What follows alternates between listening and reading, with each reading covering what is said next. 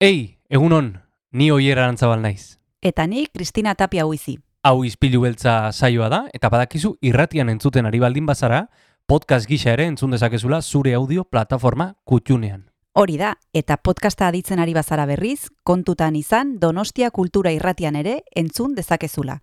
FM eundazazpi puntu lau frekuentzian. Sare sozialetan ere topatuko gaituzu noski, izpilu beltza bilatuta, Instagram, Facebook eta Twitterren. Besterik gabe, guazen gaurko saioarekin. Az gaitezen,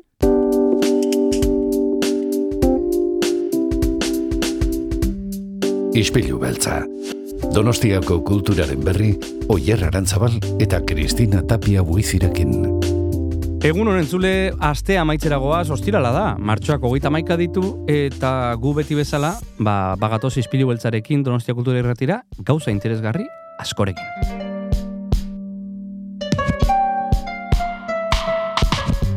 Egunon, Kristina? egunon, iritsi da ostirala oier. Iritsi da ostirala, e, aldatu dizkiozu gitarrari e, sokak? Aldatu beratza izkio, eh, lan Bai, zenbein. eta gorka aurrak esplikatzen du oso ondo nola egin behar den lan hori, eta ikastaroak eskintzen ditu Mhm. gainera bi e, oso interesgarriak atzo iragarri genuen, e, eta nik uste dut masterclassa izango dugula Mhm. berarekin gaur irratian. Gaur gorka aurra dator, Bai, mm, adi entzungo dio, zenik gitarranen sokak aldatzen ditut, baina uste dut naizela oso trebea. pues gauza mordoa esplikatzen ditu horren inguruan oierradi, eh? Oso ondo sonatzen du gitarrak, Mm. baina e, seguru hobeto egin daitekela. Mhm. E, ea zer kontatzen digugun Bai. gaur gorka aurrak. Gainera, ostiralero legez, liburutegitara gerturatuko gara, komikien inguruan. Bai, egiaraino joango gara, badekizu Ruben Bidalek beti kartzen dituela izpilu beltzara komikiak, eta gaurkoan aukeratu du Marcelo Quintanillaren Eskucha Hermosa Marcia. Ea Mm. zer kontatzen digun? Zemo skrizu, ondo, ana ondo. Bai, zer ba? Ez, ez, e, ohitura ona dalako galdetzea. Ah, bai, bai, bai, barkatu. Bai. Ni jarraitzen dut hotxa daizki. bai, ikusten zaizu, bueno, entuten zaizu. Baina e, beti izaten dute gaixo, gaixo egon izenean da hotxa hola daukadenean radiofonikoago ere sonatu ez dakit. ez dakit. Hori, hori konsueloa da, bai. Konsueloa da. Nahi baduzu. Aitzaki bat, bai. Hori da, Guazen gaurko izpilu beltzarekin, eta guazen ikastera. bazen.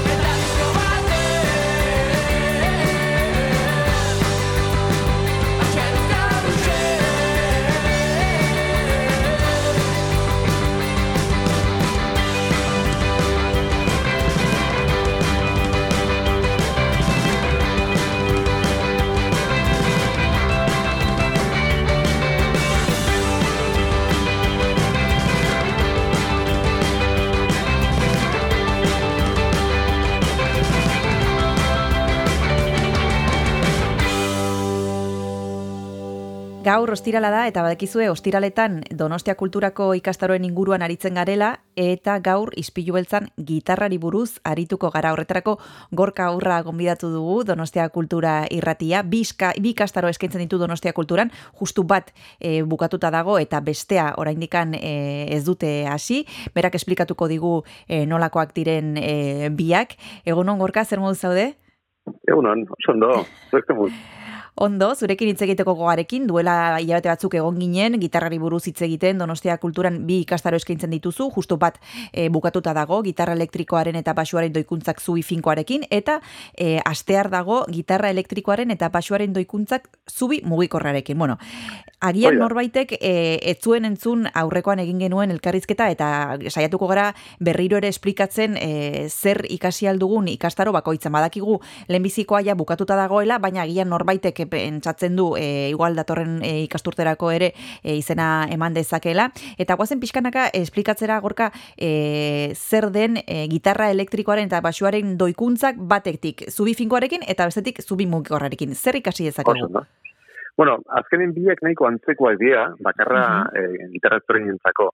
Eh, Mhm. bueno, gitarra batzuk edakate eh, Floyd Rose bat edo, edo zubi mugikor bat, ez?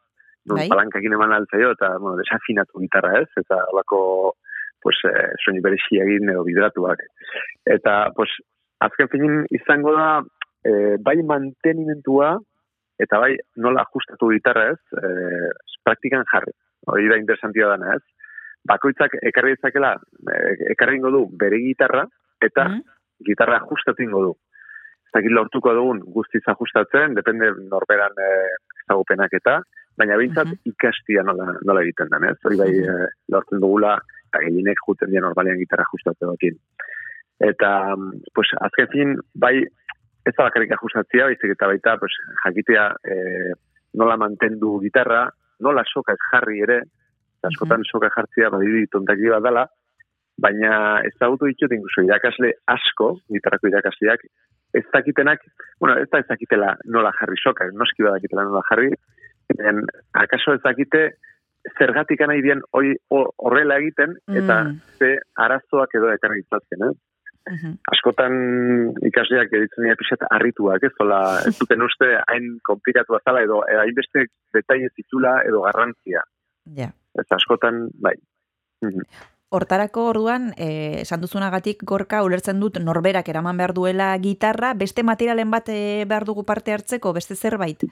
Bai, e, bueno, erramita basikuak, bintzat. Osea, beti eskatzen da saiatzia ekartzen, pues, norberak gero ibili beharko dituen eh, erramintak, baina norbaitek ez ditu, pues, eh, hortxe beti ditzen batzuk eh, eskura.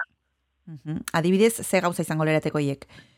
Ba, adibidez, bueno, gauz, e, norbain eskatzen da, soke galdatzeko, pues, manibelatxo bat, azkara joteko, ze bestela Bai. eskuakin e, asko tardatzen da, eta, bueno, beti ondo etortzen da. Bai. Baita, e, regla txiki bat, soken altura e, zautzeko, osea, Mhm. i- ikusteko, eta baita herramienta basikoak haien batzuk, edo, edo estornio ere Philips, eh, Philips bat, edo, bueno, izarrekoa, ditzen ziola, Mhm. bizikoa, edo eta planua, segun gitarra bakoitzak eh, erramintak behar dituen, ez pixka eta ajustatzeko edo, edo konpontzeko, hoi Mhm. listado bat ematen da normalian Mhm. eh, jende bidaltzen zaila.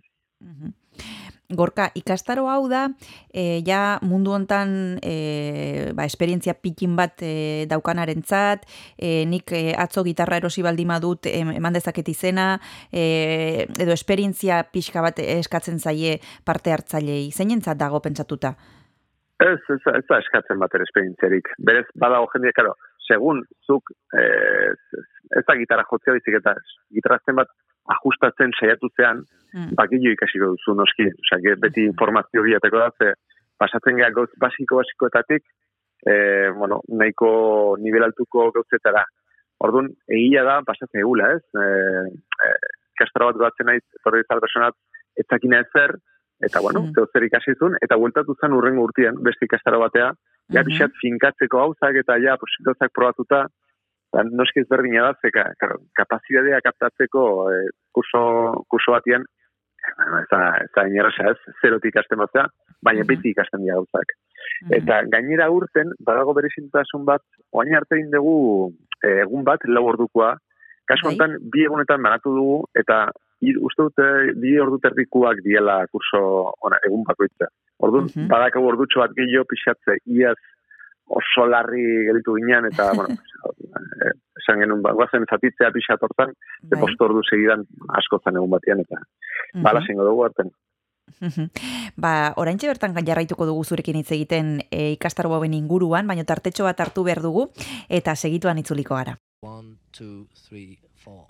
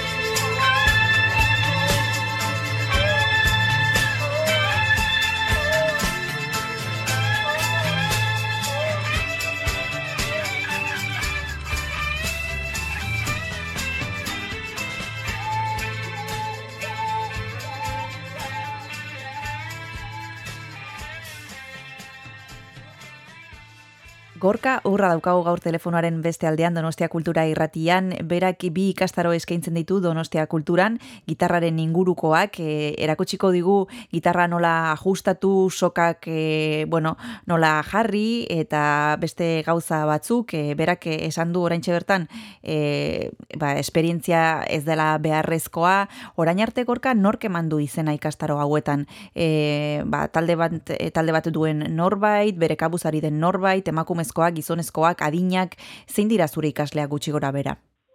Jo, Ba, da, oso kuriosoa da, gehienen gizona ideala. Oso emakume Mm. gutxi etorri da, bat emat etorri da, Mhm. baina ez dakit, nun baitu edo, edo, edo zakataz interes askorik, ez, dakit, edo, eta pena bat, baina adin guztietatik egia, esan oso gaztetxoetatik eta oso jubilatuak etorri izan dira, Aha.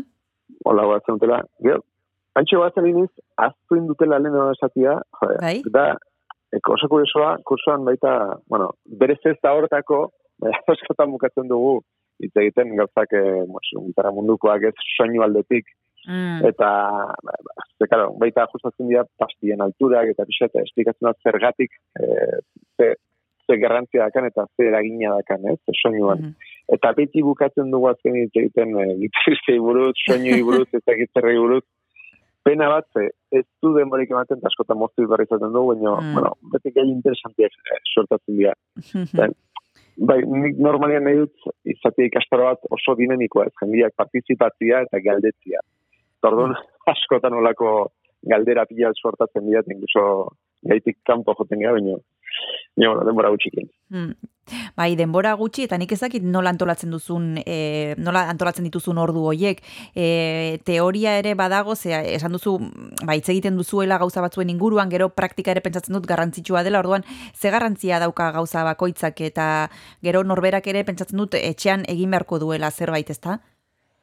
Bai, bai, bai. Bueno, kasu honetan gainean badakagu e, utxune bat, ez? Iaz ez genura. Orduan, bueno, planteamentua da, azketin, e, baten bat igual pixat, ose, trakitxa alima da soka jartzen, ez zura inoz jarri, pues, kasu honetan, hoi etxian, e, ez da dukatu klasean, pues, etx- etxian bukatuko zuen, ez? Eta hoi hasten gara, pues, teoria pixatekin, e, niretzak garrantzio eritzen zait ulertzeko, ez? Gauzak ze Mhm. pasatzen dian, ze, E, badiru zerbait oso simplea, ez? Azken gitarra bat, eh? baitu Bai. sokak eta mastil bat, baina gero baitu e, detaile asko, karo, soka horiek, segun, segun zen lodiera dakaten, pues, e, mastilak kurbatu ingo dute, ez? E, eta horren kontra, pues, harima eman bartzeio. Gero da, badaude, e, zezilaren altura, ez? Azketin sokak, pues, e, lehenengo trastetan eta jotzeko askotan inkomoda lima da, pues, hortikan nola jeitsi, ez dela zerbait oso errezeiteko egotintzat, baina, bueno, hoi normalian profesional bat, baten gara batia. Eta gero dago zubian altueran, ez? Eta, bueno, badiru nahiko hombre, noski elektronika garbitu, tornibak eta ajustatu pixkate dena ondo duteko, e, eta garbitu potenziometroak, baina baina hor, hor lehen esan ditugun alturetan, ez, azkenin sortzen da ekilibrio bat, nun hiruetatik, pues batak bestegi eragingo dion, eta azkenin hori ulertzea badaka bere puntua, ez, eta horregatik beti saiatzen naiz teoria pixatekin, eta gero hoi praktikan jartzea, naiz ulertzeko, eta gero pues, ikusteko, ez, praktikan, aber, ze pasatzen da hemen, pues, soka bat jotzen dut, eta hoi, hementxe, hemendik aurrera trasteatzen hasten zait, ez, Mm. trasteo bada, Mhm. zaratatxo bat atetzen dela bezala, ez, urrengo trastea ikutzen dulako. Eta, ba, zergatik pasten da, edo, trastatzen du, hemen, baina urrengo trasten ja ez. Orduan, ze esan nahi du, pues, eski trasten bat altu egia daola. Ez, gaizki fabrikatik gaizki egina, edo aurrekua desgastatua daola, e, eta orduan gauzoik detektatzen eta eta behitzen aber ze pasatzen ari dan. Nahi naiz aurreatzen da kurso guztia iaia, segundu batean. Eta git jendiai oso interesanti egingo zaien, gitarrestei fijo, baina pues, Mhm. Hoxe, bixat, bueno, horra ikusten da ez. Eta oso, bai, detailean. Gorka, detalle hauetako bat ez badugu zaintzen edo ez bagara gehiagei fijatzen, e, zertan izan dezake eragina?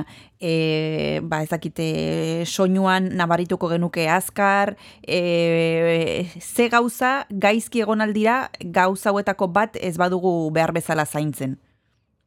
Bueno, daude pila bat, eta, baina, bueno, pues, pixkat, eh, leno esan joanak bezalakoak ez, ahi ez, eh, trasteo bat, trasteo bat, Mhm. pues, eh, papatin soka bat eh, jotzen dugu, eta nota betut, ito bezala iten da, matatian.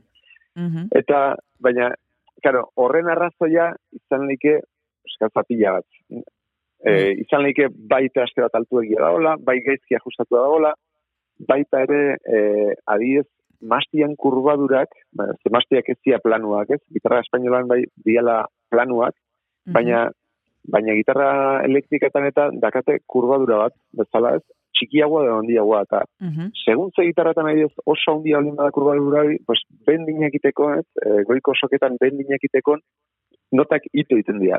Eta orduan, osea, kasu horietan, seituan detektatzen dugu, ez, radio, e, zazpio horita bost, hor zuzenean ezin zu e, bi milimetrotik bera jetxi.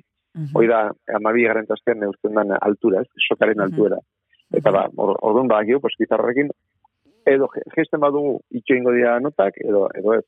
Mhm. Gero baita, pues, eh, soinuan, adiez, pastillen altura, pues, soinuan pila batera egiten du, ez?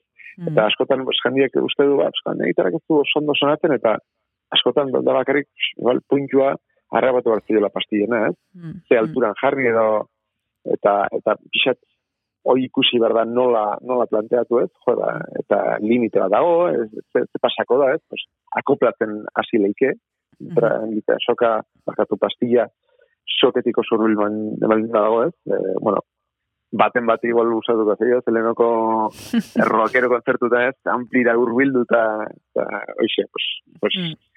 Eh, soinua bizkat akoplatzen hastia gustatzen zan, ez? Mhm. baina kasu batzutan ez, depende baita ze soinu dakagun, Mm. e, distorsioakin, gabe, e, bueno, pixat denetarik. Mhm. Entzuten ari zareten moduan, klabe pila bat eh, emango dizkigu gorka urrak e, oraintxe bertan eh, hasiko den ikastaroan, eta nahi izan ez gero datorren ikasturterako oraintxe bertan eh, bukatu den ikastaroan, bigarren tartetxo hartuko dugu gorka, eta segituan itzulik gara zurekin hitz egiteko.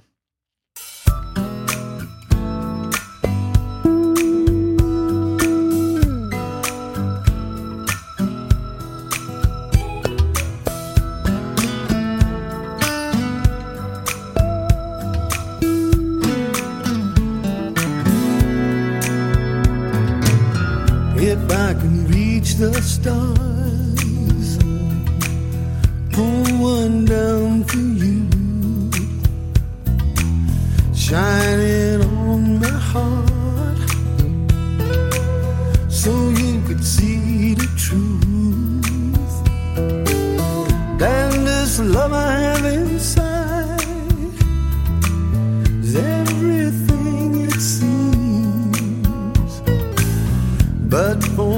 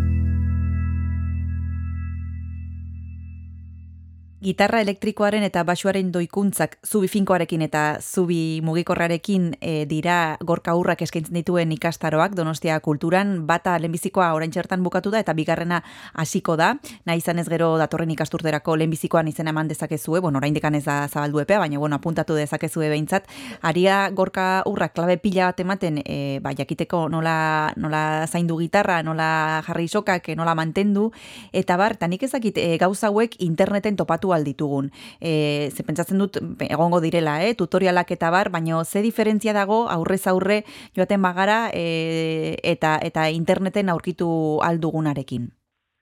Interneten dago denetarik. Eta beti ikasteko super interesantea nik gauz pila bat ikasten ditu eta Mhm. jendia animatzen dut eh, internetetik ikasteko gauzak. Bai? Egia da, internetek ez dakana, da persona bat esan dizuna, kontuz horrekin gaizkiten aizea. Ja. Eta askotan, ze ikusten dugun, da ze ulertzen dugun, oso ezberdina da, nik uste dut ikastaroan, nik esplikatzen dutela, historia, ezakit hobeto okerrago esplikatuko dut, baina Mhm. esplikatzen dutela, eta askotan jende ikusten dut, pum, bapatin, iten gauzat, esan dutena kontuz horrekin ez egin, naiz eta esan, hoi egiten nahi diala, ez? Ja, Ba, ja. Orduan, kara, pun, edo, edo bapatin, pues, pasatzen da, ez zaitatetzen, eta ez dut ulertzen zertigan. Ja. Eta askotan, pues, potentzea, pues, esplikatzen behin, be- igual bestera batea, ez? Eta askotan, karo, eh, pues, feedback hori edo ez dago eh, YouTubeko bideotan. Baina, nik esaten dut, eh, nik gauz pila bat ikasen dituela YouTubetik eta da oso jende interesgarria, eta eta askotan agian repasatzeko gero oso ondo dator ere, eh? Osea, Mm. ze askotan kursoan ematen dien gauzak, pues, nunbait zeo zer eskapo indezak ez, burutikan, edo bi egunetara aztu dezakegu zerbait, eta pum, gogoratzia ez ziten duen. Eta, eta bixe, baina badago informazio eh, bat adidez, mm, agian akaso hain badago, nik bere garaian ez nun topatu, Bai? eta, eta gatzen naiz eh, Frantzian lan iten unin lutier bezala, Bai? eh, beste lutier lagun batekin, jo, haitu ginen pentsatzen, ze, ze pasatzen da ez, kintajea do jendiek asko esaten dela, azkenin da, Mm? soka mastil guz, gitarra mastil guztita, guztitik afinatu egotia, ez? Mhm. Baina jende guztiak daki hori dagoela, eta egin behar dela, Bai? baina ba, askotan jendiek ez daki zergatia horrena. Eta da, bueno, eh, ez orain esplikatu duten, edo kursoak utziko dugun, zer, edo denbora dagoen esplikatzeko. Bai, esan zerbait. Bai, azkenean da zerbait interesantia, berez, behitzen dana da, e, sokaren erdian, ez, iten da harmoniko bat. Harmoniko bat ulertzeko jendiak da, pues, sokak vibratzea alde batetik atzea zentu batean eta bestetikan beste zentuan. Mhm. Gutxi gora bera da traste, erdiko trasten zapaltzia bezala, baina bakarrik egiten du ikutxu. Kontua hor sortzen dela harmoniko perfektua, ez? Orduan, oktaba perfektua, notaren oktaba. E, gero, soka zapaltzen dugunin, ze pasatzen da? Berez, izan marko zan, justu baitare, sokaren erdian, ez trastea baldin, baldin balego, e, sakatu barko denuke eta nota berdin izan barko zan. Mhm. Baina, da zerbait oso kuriosa nota, igo egiten dela. Egiten da eh, agudago jarri. Eta orduan, karo, ja nota desafinatua dago, ez? Orduan, ez digu balio. Hori konbentsatzeko egiten dugu, pues, eh, zubilan, beste iskinin dagoen eh, eh, pizita bat, urrundu pixat, eta lortzen dugu nota perfektua. Baina, askotan, karo, zergatik aida bai pasatzen ez, osea, aida pasatzen baina, arraro izan barko luke, ez, erdian egon barko luke, nota Mhm. erdia. Ba, zerbait oso kuriosua, eh, tras, trastea uh, azken finin igo ingo batzan, ez? Sokara hurbilduko batzan, eta pun, bere puntura, erdiko puntura iritsiko batzan, orduan bai ekiko nukela nota berdina. Baina Mhm. guk nola soka altura batean daun eta jisten dugun, sortzen dugu bendin antzeko bat. Mhm. Azkena, eta orduan bendin batean, dena dakigu zen, bueno, dena ez dakit ez dakigu, baina gitarista dakigu ze pasten da, mintzat, e, nota igo egiten da, ez? Egiten da, gora, gora jo. Piskat, ez da asko, baina nahikua soka nota esazinatzeko. Orduan, horregatik egiten dugu urrundu, ez? Soka luzera haunditu, puntu hortan, e, konpensatzeko bendin hori. Mhm. Mhm. Ba, Oso- oso-. Oso interesgarria, e, gorka aipatu duzuna, justo orain aipatu duzu gitarrista. E, gitarrista on batek, e, gitarri, gitarra kaskar batekin e, airoso atera daiteke e, emanaldi batetikan, edo bi gauzak beharrezkoak dira.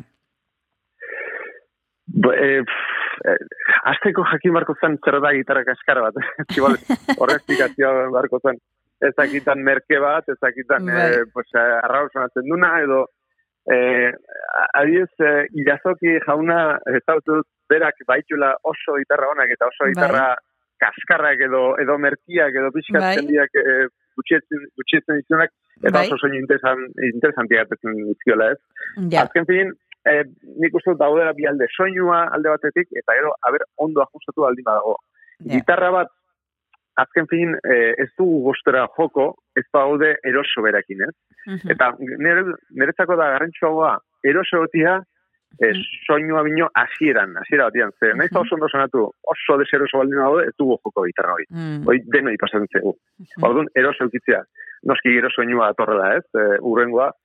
Eta logikoki, egia da, pues, e, musikari batek adibidez, ez duna bere bizitzan e, oso gutxi joduna, eta adibidez, jasa, saiatzen dana jotzen, Bai. e, dakit, ba, e, jas, e, bueno, e, o, jebiko gitarra batekin, ba, kostatuko zaio soinua ateratzen, ez? Ze, ez dago horretare bideratua, orduan, Mm. asko eta proposauak diran gitarrak hobeto egongo zian ikasteko, baina kontrako ere pasatzen da. E, Mm. Jasa joduna bere bizitza osoan, atzen du dozen gitarra, eta jas soinua eukiko du. Osea, askotan eskuak dakar, ez soinu hori. Ba, Mm. bakarrik instrumentu baizik eta bien kombinazio bat. Da. Noski bera ez dela supereroso ongo, eta niagoko dula bere jaseko gitarra, eta bere jaseko gitarra kutxuna. Baina, Mm. bueno, oso, oso erlatiboa da, eh, erantzuna horrena. Bai, oso personala. Oso pertsonala eta pertsona bakoitzak ikasteko aukera dauka gorka aurrak eskaintzen dituen ikastaroetan, ze, bueno, esan bezala e, irakaskuntza pertsonalizatua e, izango da berak e, eskainiko duena, eta horregatik e, hain, e, bueno, ba, interesgarriak dira berak ematen dituen azalpenak, hemen batzuk eman ditu, baino gehiago jakina izan ez gero, badekizue gitarra elektrikoaren eta basuaren e, doikuntzak, bai zubi finkoarekin eta bai zubi mugikorrarekin, e, bueno, ba, gehiago sakontzeko ere aukera badagoela, orain ikasturte hontan bigarrena bakarrikan, baina bueno, datorren urtean espero dugu biak ere ateratzea, apuntatu nahi baduzu entzule, eta eskerrik asko gorka urra izpilu beltzara hurbiltzeagatik eta urrengora arte besarkada bat. Esker, zerka bat. Agur. Agur.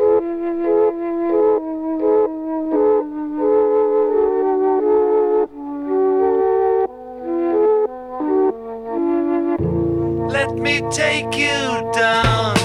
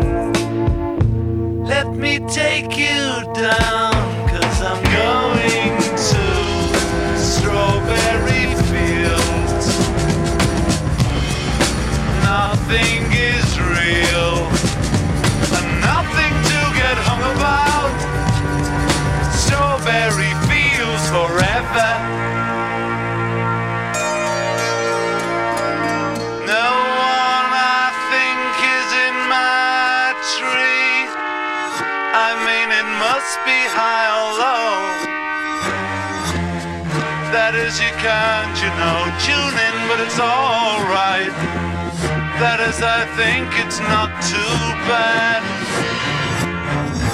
Let me take you down, cause I'm going to strawberry fields. Nothing is real, and nothing to get hung about. Strawberry fields forever.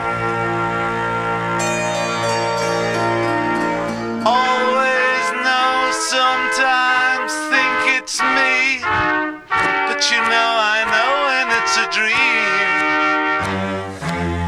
I think I know, I mean, uh, yes, but it's all wrong. That is, I think I disagree. Let me take you down, cause I'm going to strawberry fields. Nothing is real, hung about. Strawberry fields forever. Strawberry fields forever. Strawberry fields forever.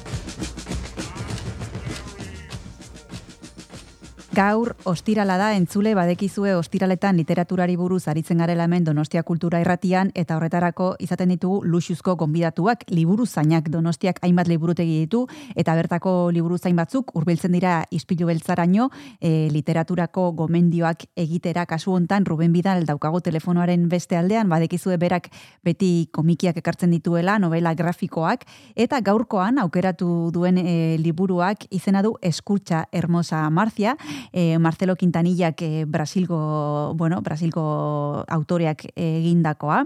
Kontatuko digu honen berri, e, Ruben Egunon, zer modu zaude? Kaixo, Kristina, egunon, ondo, eta zu? Oso ondo, ari naiz irakurtzen justu e, orain aukeratu duzun liburuaren inguruan, eta izugarrizko itxura ona dauka, bueno, e, kritikak eta sariak eta lortu ditu, gero izeingo dugu hoien inguruan, baino zenolako arribitxia, nola, nola aurkitu duzu, Ruben? Eh, bueno, ez, eh, jende asko que komendatzen du, eh, eta, Mhm. bueno, pues, eh, jakimina piztu eta pues, irakurri. Bueno, Bai. oso ondo, eta da- gurekin da partekatu. Meritu on- ondia. Bueno, Bai, bai, hori bada da. zure meritua, eh, honen berri izatea eta gurekin partekatzea ere, ez gordetzea zuretzako. Oso eskuzabala zuen gomendioekin beti eh, liburu zainak prest, gomendatzeko prest. Esan bezala, eskutsa hermosa Marcia izena du novela grafiko honek. Goazen kontatzera pixka bat eh, Ruben eh, zeri buruz den eh, liburu hau. Bai, bueno, pues, orain honetan berriro eh, bueltan gera Rio de Janeiron. Mhm, Aurreko batean ere Bai. ez, jorratu genuen beste Bai, komiki bat, eh, bai. Rio izenekoa. Bai, Eta nonbait orain boladan dago, ez? eh, Rio de Janeiro edo bueno, Brasil, orokorrean. bai. Eta bueno, ga- gaurko komikionen protagonista, eh, ba, izenburuak dioen bezala, Marcia du izena. Aha, Eta, bueno, ba, Rio de Janeiroko ba, emakume bat da, ez? E, bera e, izatezeo, erizaina da, ospitale batean. Baina gero, handik aterata, beste lan bat ere ba, badu, ez? Pues, bueno, bera favela batean bizi da, eta, bueno, pues, e, dirua, pues, ez dauka soberan, mhm, eta, bueno, ba, beste bigarren lan bat, emakume adineko bat, ba, zaitzen, ez? E, Mhm. Alzheimerra jota, eta bat, eta, bueno.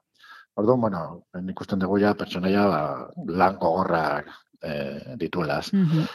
Eta, bueno, esan bezala favela batean bizi da, eta bizi da bere bikotekidearekin, Aluizio izeneko e, gizonarekin, eta bere alaba Jacquelineekin. Bueno, alaba hau ez da gizonarena, beste aurreko beste pues, e, matrimonio batekoa. E, eta, bueno, pues, e, bueno, pues, esate zute, ma, e, Marcia oso langilea da, oso arduratsua, ba, kaso batzutan ikusten da gehiegi, ez, e, bere gain hartzen ditula, pues, e, akaso dago, ez dagozkion ardura Hmm. asko, ez. mhm. Eta, bueno, e, ikusten dugu ere Aluizio, bere bikoteko idea, pues, eraikuntza handi ardula, tipo lasaia, ez, ikusten dugu hor telebista ikusten, hor, ba, sofan et- etzanda, eta bar, eta emakumean la pixkate, ba, ba, lanean jotake, eta, bueno, ja, azte zea pixka pentsaten, ara, mentze, ez, desoreka pixka bat badago. E, baina, bueno, gero ez da horrela izango, eh? Ematen du alobizio dela pixkate, hola, ez da nola esango nuke. Alferra ez, baina ez da alferra, ez da izango alferra, ez, ez. E, izan, izan ere oso maite minuta dago, ez, edo bere bi- bide pikotekideaz. Eta, bueno, bilen artean, pues, saiatzen dira, etxean daukaten beste hirugarren pertsona hori, ba, no- nolabait e- ezitzen edo, Bai. bueno, Jacqueline izeneko neska, bueno, ba, nerabea, eta, bueno, ba, pixka, iparra galduta erabat, eta, bueno, ba, lagun arriskutsuak ditu, eta, bueno, hasita dago, ba, droga munduan, e, prostituzioan ere bai, bueno, gaizki. Bai, Eta orduan, ba, beti herri eta bizian, etxean, eta Luisionek bere alaba ez da, baina alare ba, laguntzen dio, ba, ba, ala, Martziak eskatzen dio, aizu, ba, zaitu zazu pixkat, edo ba, bere atzetik jun, edo, hola, ez, edo espioitza la- lantxo batzuk, eta ba, gizon honek egit, egin egiten ditu, ez? Eta saiatzen ja hori, ba, neska menderatzen. Eta, eh, bueno, hau da hasierako planteamendua, ez? Eta alako batean, ba, Jacquelinek e, soka ez- gehiegi estutuko du, eta alako batean e, konturatuko dira, ba, zera, ba, kriston, zean, lioan sartuta dagoela, lapurreta batean parte hartu dula, eta, bueno, azkenean, ba, zera, bukatuko du, kartzelan. Eta arduan ba, hor ja, hasiko da, benetako, nolaitu esateko aventura, edo, eta arduan ba, hor, hor zaigu ja, Jacqueline, ba, bere, bere rolean, ez, de madre coraje, deritzan rol horretan, ez, ba, Mhm. nahi du bere alaba gartzelatik atera, eta, bueno, Mhm. azten dira, ba, teje maneje batzu, poliziarekin, eta, bueno, gero sartzen dira hor, e, ba, hori, ba, polizia, militarrak, favelak, e, narkotrafikatzaileak, mhm. Bueno, denetik dauka, ez? ez nijoa, ez nijoa gehiago esatea. Bai, baina, kontatu dituzu e, gauza pare bat e, interesgarriak direnak ulertzeko pixka bat nondik e, nora ari zaigun autorea, ba, pixkat e, Brasil irudikatzen, ez? E, fabelen mundua eta, bueno, be, bertan e, bizi duten egoera.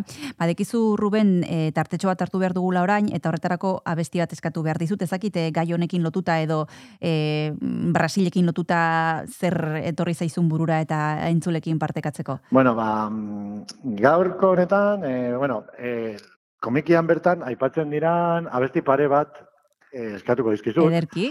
E, bai, berez, ez daukate gaiarekin lotura hundirik, baina, Aha. bueno, bertan aipatzen diranez, ba, Ba, guazen, eh, venga. ditugu.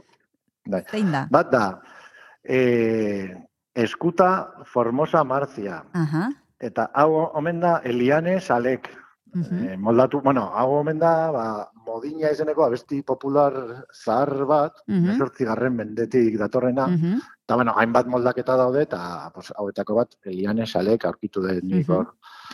Eh, ikertzen pizkat interneten, da, eskuta Formosa Marzia. Ederki, ba, guazen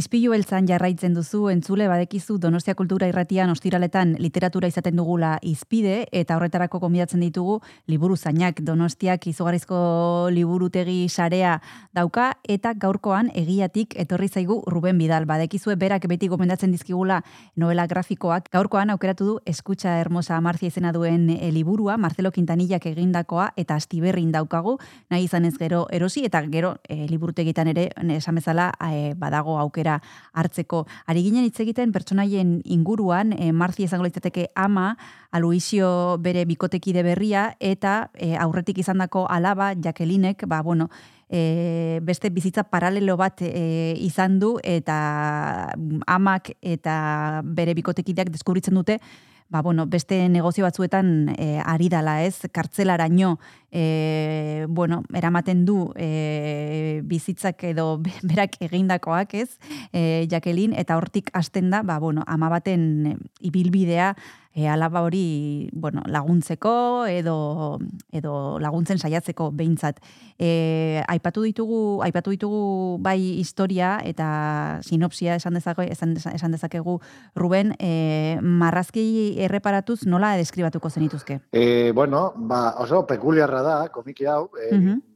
marrazken edo koloreen aldetik batez ere oso tratera psiko, psikodelikoa Ah. ematen dio Quintanillak. Mhm. Bai, e, batze esan eretan honekin, ba, adibidez, ba, zeruak berdeak dira, batzutan, Aha. edo arrotxak, edo, edo ez, e, aurpegiak igual moreak, Osea, koloreak ez, ez dute, ez daukate loturarik, ba, pertsonaiekin, ez? Osea, e, e, mundu errealarekin. Baina, alare, e, islatzen du, ba, realitate, ez, garratza, eta bar, eta ba, familietako giroa, eta hori, hori.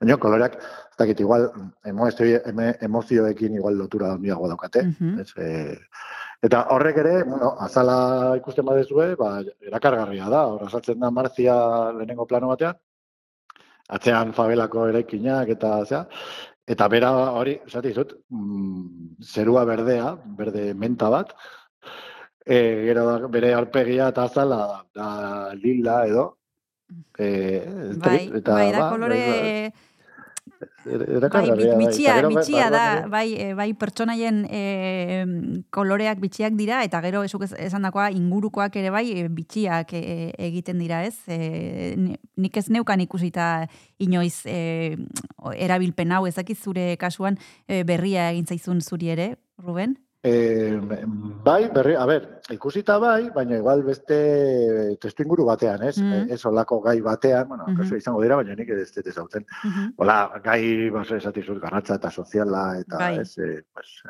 eh, egunerokotasuna islatzen duena. Eta, eh, pues, kontrara, pues, erabiltzen dituela koloreak, pues, pues, a lo loco, ez Mhm. Eta bai, bai, hori alde batetik hori erakargarri Bai, bai. Eta gero estiloa ere bai, Bai. bueno, e, Quintanillak baditu beste lan batzuk, beti ere, pues, e, bere Brasilgo, ez, egoerak eta islatzen, eta beste estiloa jorratu izan ditu, eh? Baina, eta honetan, pues, marra ere, bueno, garbisa marra da, baino, ez dakit, egiten du, bizkat, exageratua bezala, edo, ez dakit nola deskribatu, bai, bai, ez, ez, estilo aldetik, oso, oso, bueno, abanguardista nuke esango, baina, bai, aurreratua edo Mhm. berezia. Mhm. Gustatu egin zaizu zuri, ulertzen dut esaten duzunagatik, e, gustora Bai, e, irakurri eta ikusi dituzula marrazkiak, ezta? Bai, bai, bai, bai. bai. Bueno, zuri eta beste batzuei ere gustatu egin zaie e, Ruben, e, ze angulemen e, saria jaso zuen iaz, e, jabuti saria ere bai, e, eta bapeliako e, saria ere lortu zuen 2008 bigarren urtean, e, komikirik onena, e, beraz, nik uste dut e, konsensoa lortu duela, ez, e, lan honek. Mm, bai, bai. Aurret, aurretik esat, eh, esaten dizut, bat, nik irakurri nun tungsteno izeneko bat, Mhm.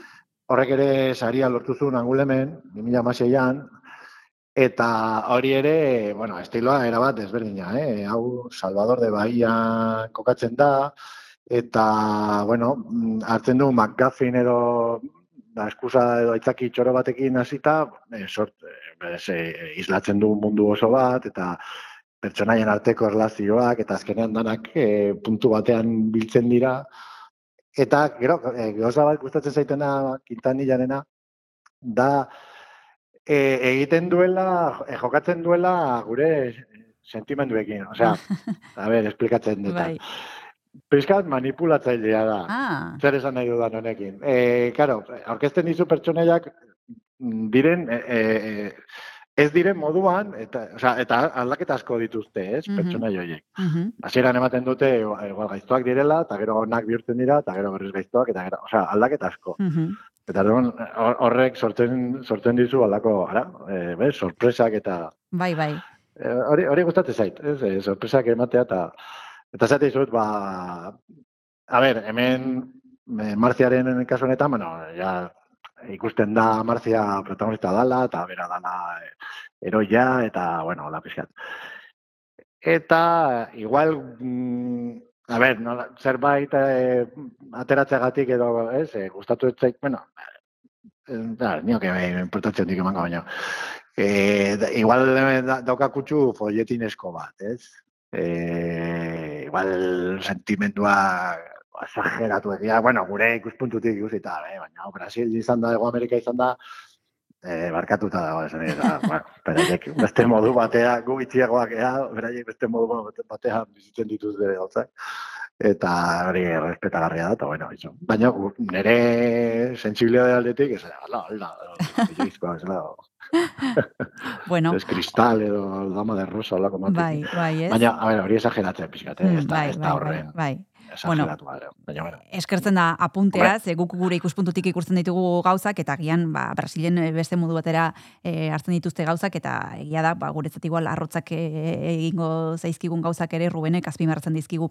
Bigarren tartetxoa hartuko dugu, aipatu duzu lehen Ruben, e, komikian pare bat abesti aipatzen direla, lehenbizikoa jarri dugu oraintxe bertan, eta bigarrena zein da? Bueno, besteare, bueno, eh, Aluisiok uste eh, abesten duela, alako escena batean, eta izena du Andanza, eta bezlariak dira Edmundo Souto, Danilo Caimi, eta Paulinho Tapajos. Ederki, ba, guazen entzuteran danza.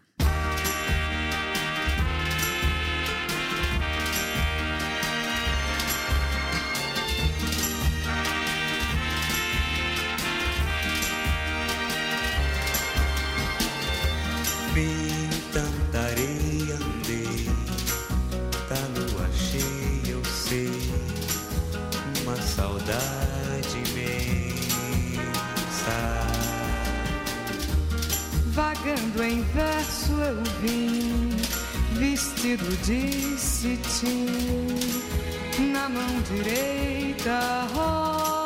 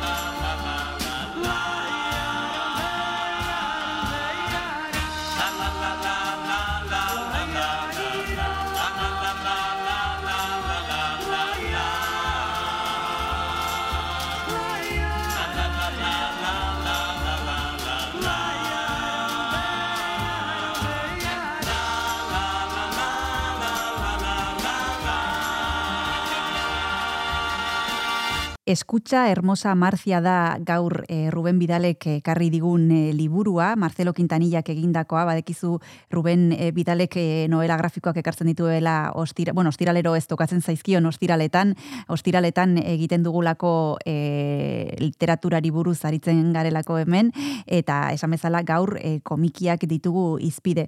Aipatu behar dugu, e, agian Ruben Marcelo Quintanillaren lana, esan dugu Brasilgo autorea dela, Rio de Janeiro jaiotakoa mila bederatzireun da irurogeita maikagarren urtean, gaur egun okrez banago e, Bartzelonan e, bizi da, eta, bueno, ba, ditu beste lan mordoa, aipagarriak direnak ere, zuk lehen justu aipatu duzu beste bat, e, tunsteno, edo horrelako zerbait, ez dakit ongi esan dudan, e, angulemen ere Bai. saria a, irabazi zuena, eta, bueno, baditu, baditu lan interesgarriak ez? Bai, bai.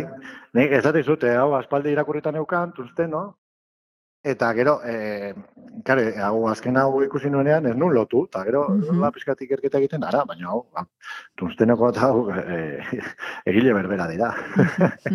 jo, eta orduan ja, pues, gero berriro irakurri de tunsteno, eta, bueno, ikusten zu hor hildo bat jarritzen duela estilo, ez, pertsonala daukala, baina, eta oso egile interesgarria benetan, bai. oso egile interesgarria, eta bueno, e, produktiboa da, ze, bueno, egonda e, bolada bat ia urtero e, gauzak argitaratzen, e, esan bezala e, tungsteno, la cúpula 35 años, talco de vidrio, e, bueno, lanean e, badabil, eta gainera, bueno, baditu izenburu mordoa, e, aipatu duzu gauza bat, e, pitin bat ez zaizuna gustatu edo harritu egin zaituena Ruben eta izan da sentimenduak eta nola adirazen dituen autoreak hemen eskutsa es, hermosa marzian. E, bestela, e, zein gomendatuko zenioke e, proposamen hau? Zeinentzate izango litzateke egokia ze irakurle motarentzat? Bueno, publiko heldua, Mhm. zalantze gabe, ze gai oso garratzak jorratzen ditu, ba, adibidez, e, alabak oso gaizki tratatzen ditu bere gurasoak, ez, eta beti hor burruka bizian, eta oso pasota da, eta, bueno, ez die batek kasu ikiten, da, Orduan egoerak oso lasgarriak izaten dira, ez? E, eta orduan gurasoak, gurasoak e, garenok, pues, hori ikusita, beti sartzen zaizula, alako zinegona, ez? Bai.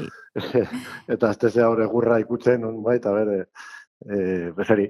Eta gero, ba, ba e, bueno, igual, igual exageratu egia dela, bueno, a ver, es que, claro, Marcia honik denetik pasatzen zaio. Osea, pues hori, e, alaba den bezalakoa da, e, kartzela mukatzen da, eta kize, eta, e, bueno, desastrea dana, dana gaizki, E, eta bera berriz e, oso indartsua zela, osea, barrena ikuste zaio, pues, e, sufritzen duela noski, ez da, ez da burdinezkoa, baina e, ikuste zaio oso, e, oso, ema, oso emakume fundamentuzkoa, eta beti aurrera, eta oso perseverantea, eta, joe, e, ostras, eh, pues hori, ematen dizula, como, ah, pues, da, nola esan, pues, eh, ai, ez ez datorkite hitza.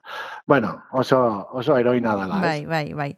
E, aipatu duzu, Ruben, e, gaia gogorra dela, eta puntu batzuetan, ba, bueno, ez dakite gogorregia egingote zaigun, hau da, koropiloren bat izango dugu e, irakurtzen dugun momenturen batean, izango da gehiegi e, autoreak planteatzen duena, edo, bueno, e, irakurtzen, ba, ez dakita arazoren bat izango dugun, alde hortatik ez, e, ze planteatzen dituen gaiak e, ba, gogorrak dira. Eh, bai, a ber, alde hartatik, a ber, ez, eh, violentzi esplizitoa ez da, ez da oso esplizitoa, eh? Osea, ez, ez, ez da odolata ez da asko ikusten. No? Esan nuke bat ere ez. Baina barruko, ez, eh, gatazka hoiek eta pues, emozioen tirabira hoiek, pues, alako batean, ba, ostra, ba, egi- egiten ditzue, la, sobreko jitu Mm. pizkat, ez, Mm, ostra. Eh, eta gero baita ere, lehen Bai. aipatu nahi nuen, gero, Bai. horatzetik dago beste subtrama bat, Bai. eh, amodio historio bat dago, Aluizio eta Marziaren artean. Mm. Eta baita ere oso polita da. Eta hortxe utziko dut. Vale, venga. Oso, Hortxe, oso polita da. hortxe utziko dugu, ez dugu dena kontatuko orain, e, ze nahi dugu entzuleak, ba, bueno, nahi izan ez gero eta izan ez gero, e, liburutegian baldima dago, eta ikusten badu hortik eskutsa hermosa marzia, ba, e, hartzea, e, hemen e, proposat nuena e, egiten dugu ostiralero, esan bezala Marcelo Quintanillak e, e, egindako liburua, eskutsa hermosa martia, ziberrik argitaratu duena, eta eskerrik asko, e, Ruben Bidal beste behin izpilu beltzara urbiltzeagatik, eta urrengoaren zain gelditzen gara, esan bezala, mila esker, eta bezarkada bat urrengor arte. Ba, beste bat zuetzat, Kristina, beste behin ere plazera izan da, eta u- e, ba, urrengo bat arte, ondo, ondo segi. Bai, berdin, agur. Agur, agur. Zenbatekoa den. Berdin dit Baina bionu belduren arteko kristalari zein eskuk eusten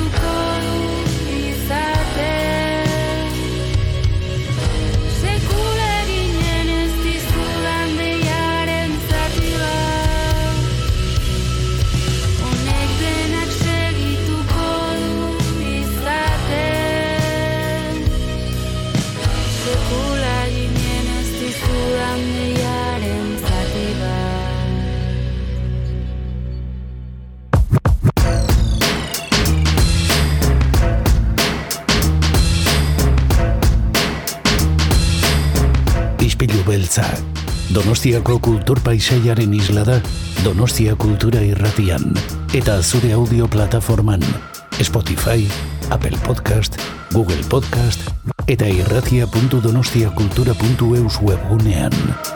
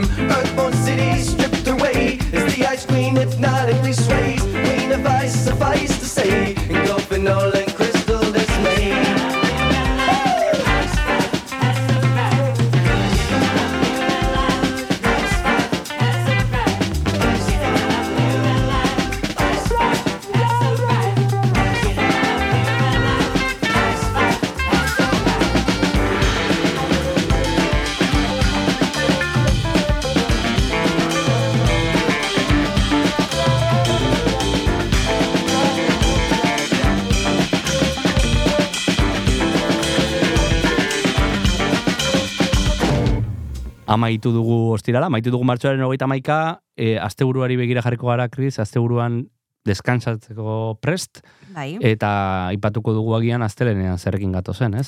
Astelenean dantza, aspaldiko partez uste dut Bai, gainera. bai. E, normalean dantza izaten dugu hemen, baina orain konturatzen ari naiz, ba, aspaldian ez dugula ekarri e, dantza ikuskizunik. Astelenean bai, gonbidatu dugu iratxe ansa. Beraiek e, bi ikuskizun ekarriko dituzte, prisma batetik eta kreakzion e, bestetik, Mhm. metamorfosis dance konpainia badekizue daukatela berak eta Igor Bakovicek. Eta, bueno, elkarrizketa polita izango dugu, hori guztia astelenean, gainera Mikel Iturria. Mikel Iturria agendari errepasoa emateko, astelenero legez, bitartean, beti bezala, zaindu zu eta zure ingurukoak, eta adi uinari. Asteburuan. Agur, agur.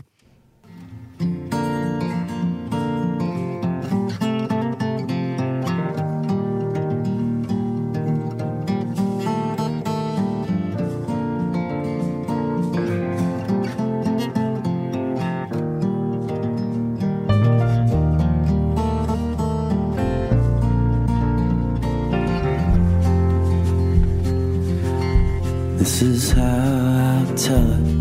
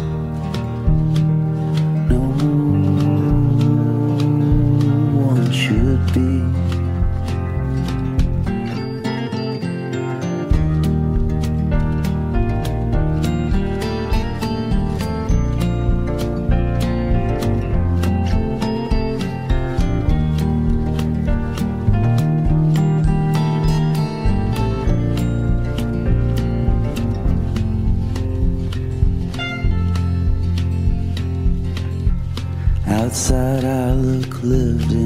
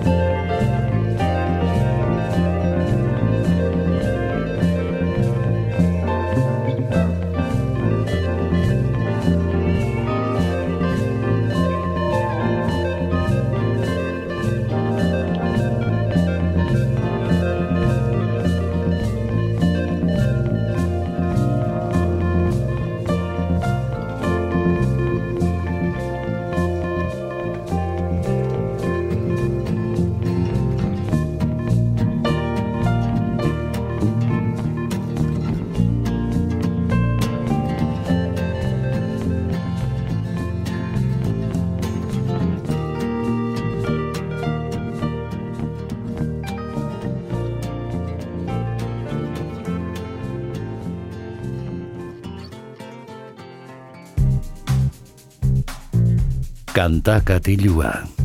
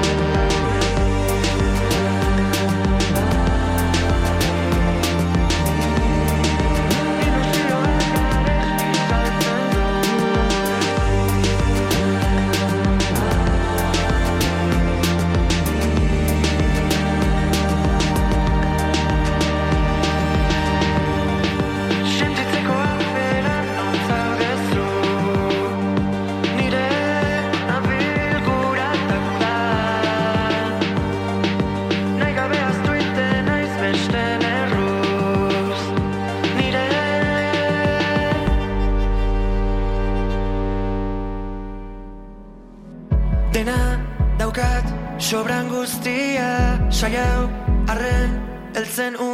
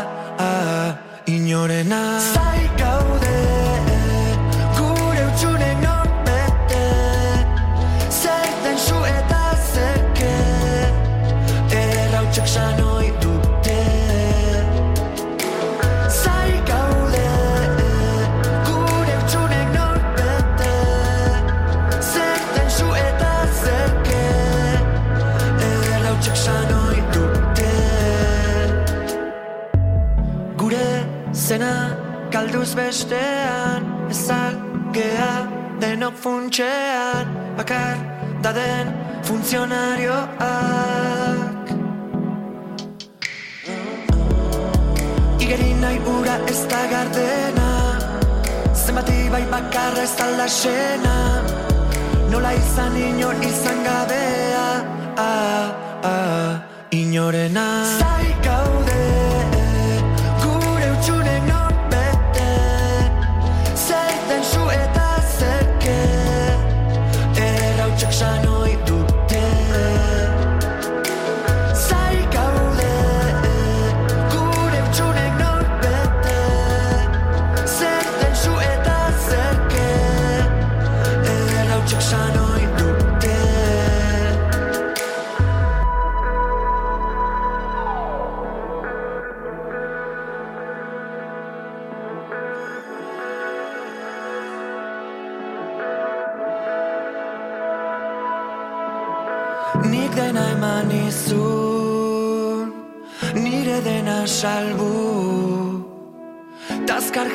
de.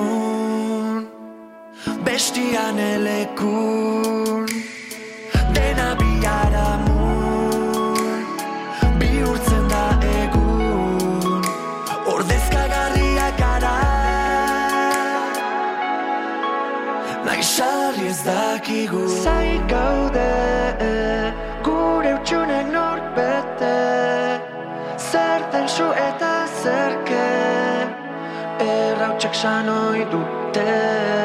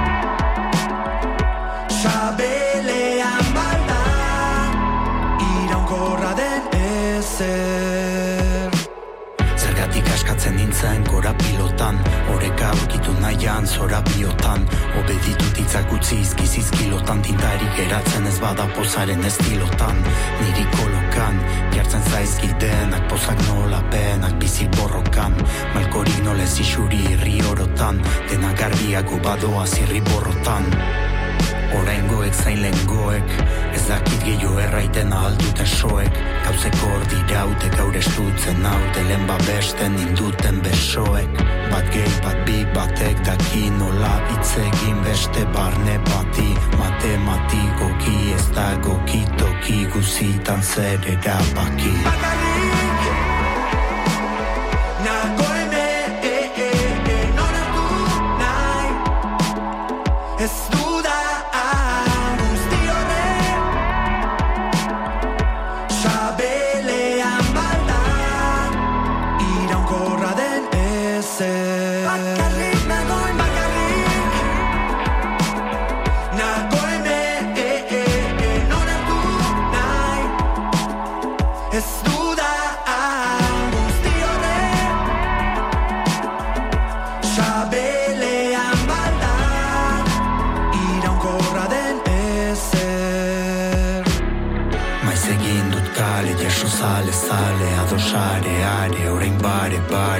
pares pare baina izan gabe bikote deituko diren bi bakardade. Gutxi da sobera zer dara matlotara gau ezuera komprenditzeko oraino goiz ote da noiz galtzen den norbait eta noiz norbera. Ez ditut antzi jantzi nautenak baina maiz denak nahi ditut erantzi. Ez zindut erran nagoen igerran baina neri bakerik ez ebatxin Batzutan isiltasunak utzi izan hau gor Asteko zazpietatik loari sei gauzor. Biziz irauteko baliz litaike iraunkor Bizi irauteko bada zergatik iraunor. Bakarri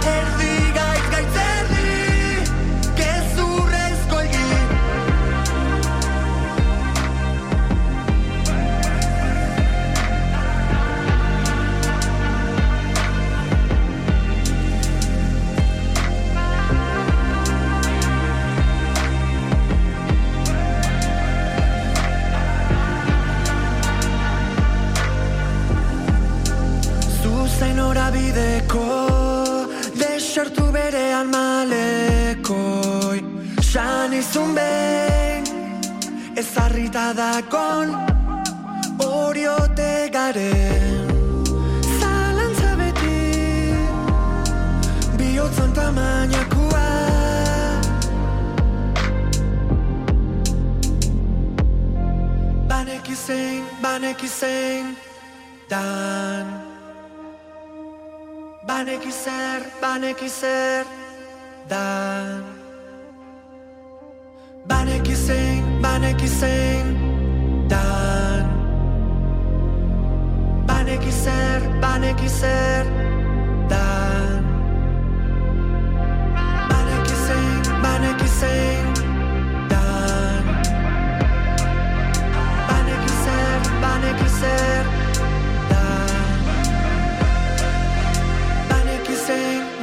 zain dan.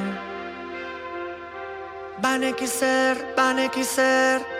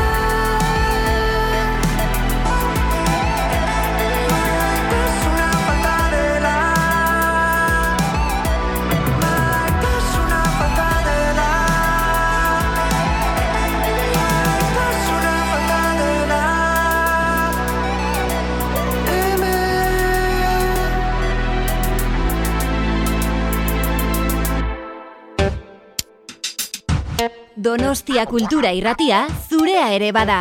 Zatoz eta parte hartu.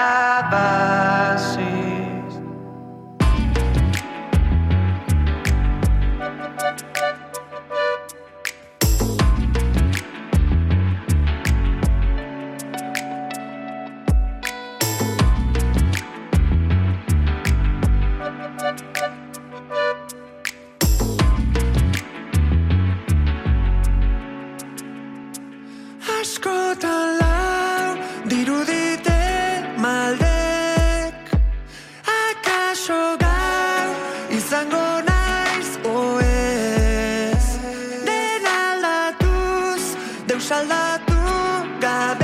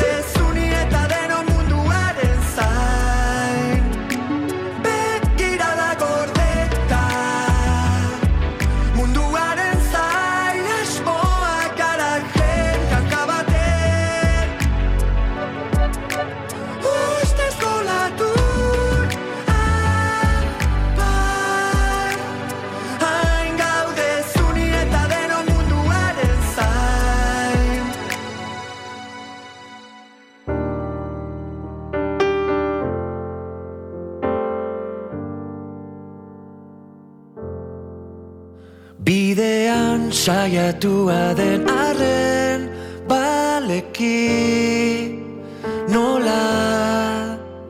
Bidean saiatua den arren baleki nora?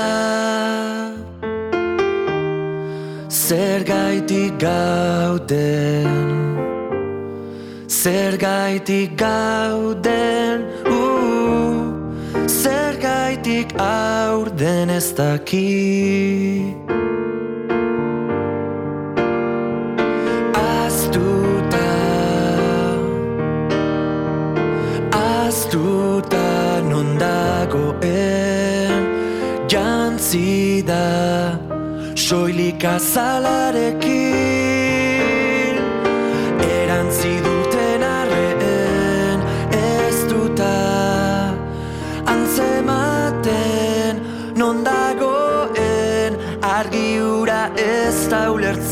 ulertzeko Ala irauteko gai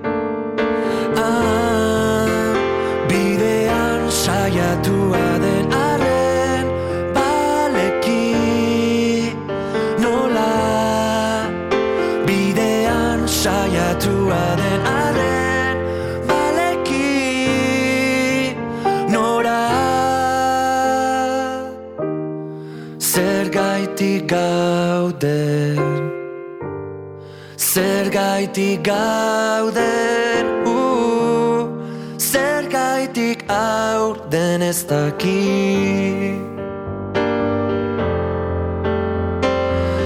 Ustuta Erren Eternal Egan badoa Desagertu baino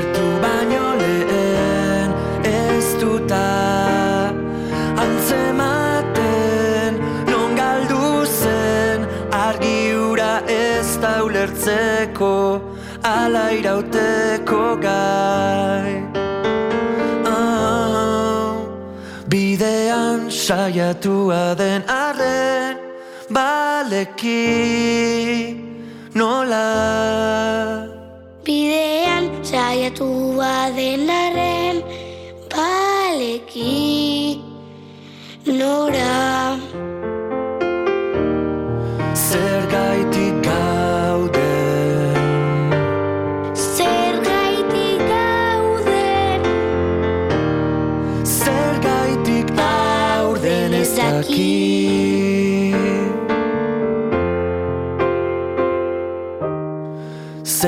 Zer gaitik gauden Zer gaitik gauden Zer gaitik aurden ez daki. Aize grabatzen? Aurduan grabatu zakizu. La la la la la la la la. Na na na. Na na Ispilu beltza podcasta entzungai duzu irratia.donostiakultura.eus webgunean, Spotify, Apple Podcasten, Google Podcasten edo zure audio plataforma kutxunenean.